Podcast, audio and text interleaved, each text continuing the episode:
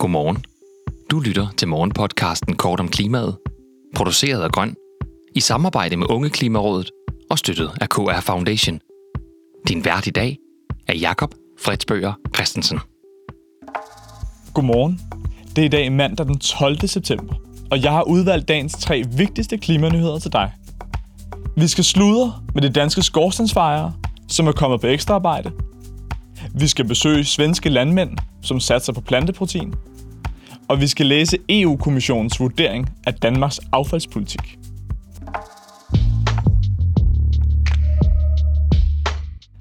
Vi starter på dagens forside af Avisen Danmark. De stigende energipriser betyder nu, at flere danske skorstensfejere er begyndt at få ekstra travlt. Nogle danskere er nemlig begyndt at smide affald på brændeovnen. Affaldet er typisk store paller, der er blevet skåret op, men kan ifølge avisen også være gamle gulvbrædder, nye gulvbrædder, mælkekartoner, æggebakker, snotpapir og reklamer. Reklamerne er særligt slemme for skorstensfejerne, da de glatte sider er fyldt med tryksværte. Selvom man ikke smider affald på sin brændeovn, er det en forurenende måde at varme sit hjem op på. Hvis man brænder 1 kilo tørt rent træ af i en helt ny brændeovn under optimale forhold, så forurener man stadig en million kubikmeter luft. Det er den mængde luft, der er over 10 villagrunde fra græsset op i en 10 meters højde.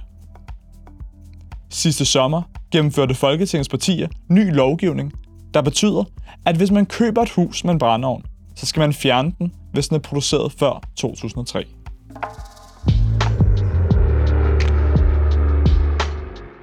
I international nyt skal vi i AgriWatch og til Sverige, og specifikt besøge Landmænden, det svenske andelsselskab, som er ejet af 19.000 landmænd og har en årlig omsætning på 35 milliarder danske kroner. Med EU-støttemidler fra den svenske stat har andelsselskabet netop valgt at bruge en milliard svenske kroner på et nyt produktionsanlæg i Lidköping. Fabrikken skal omdanne ærter til stærkt koncentreret ærteprotein. Ærteproteinet skal blandt andet bruges til køderstatningsprodukter og mælkeerstatninger. Det nye svenske produktionsanlæg ventes at stå færdigt i 2026, og i danske kroner lyder investeringen på 700 millioner kroner. Til sammenligning så lancerede Folketingets partier herhjemme i Danmark en ny plantefond i marts, som blev lovprist til skyerne herhjemme. Det samlede beløb i fonden er dog mindre end dagens enkelstående svenske investering. Konkret har fonden 675 millioner kroner, og den danske fond skal få pengene til at strække indtil år 2030. Da den danske plantefond blev lanceret tidligere i år, sagde Fødevareminister Rasmus Prehn, at nu skal Danmark have føretrøjen på, når det handler om plantebaserede fødevarer. Og han udtalte, der er aldrig blevet brugt så mange penge på plantebaserede fødevarer, som der bliver med Plantefonden. Det er hamrende vigtigt for udviklingen mod et grønnere landbrug i Danmark. Måske lander rapporten for Danmark i EU's revision af gennemførelsen af miljøreglerne 2022 er gået under radaren. Konkret skriver EU-kommissionen i deres nye gennemgang af Danmarks miljøpolitik, at vi halter efter, når det kommer til affaldsproduktion og håndtering.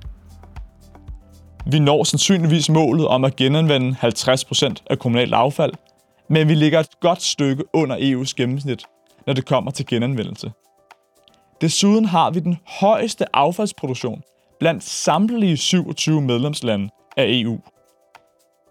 Vi skal altså både have ny teknologi i spil, der kan øge vores grad af genanvendelse, men vi skal i den grad også have gennemført adfærdsændringer blandt almindelige danskere for at slippe af med vores førsteplads i skrald.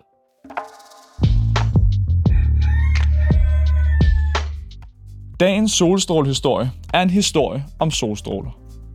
Fra maj til august i år udgjorde energi fra europæiske solceller 12% af det samlede elforbrug i Europa. Det er historisk højt, og en stigning på 3 procentpoint sammenlignet med sommeren 2021. I år bidrog vindkraft ligeledes med 12 procent i perioden, og vandkraft med 11 procent af vores elforbrug i Europa. Tak fordi du lyttede med til Kort om Klimaet. Vi har alle ugens hverdag udsendelsen klar kl. 8. Hvis du vil høre den med det samme, så gå direkte ind på vores feed på kortomklimaet.dk.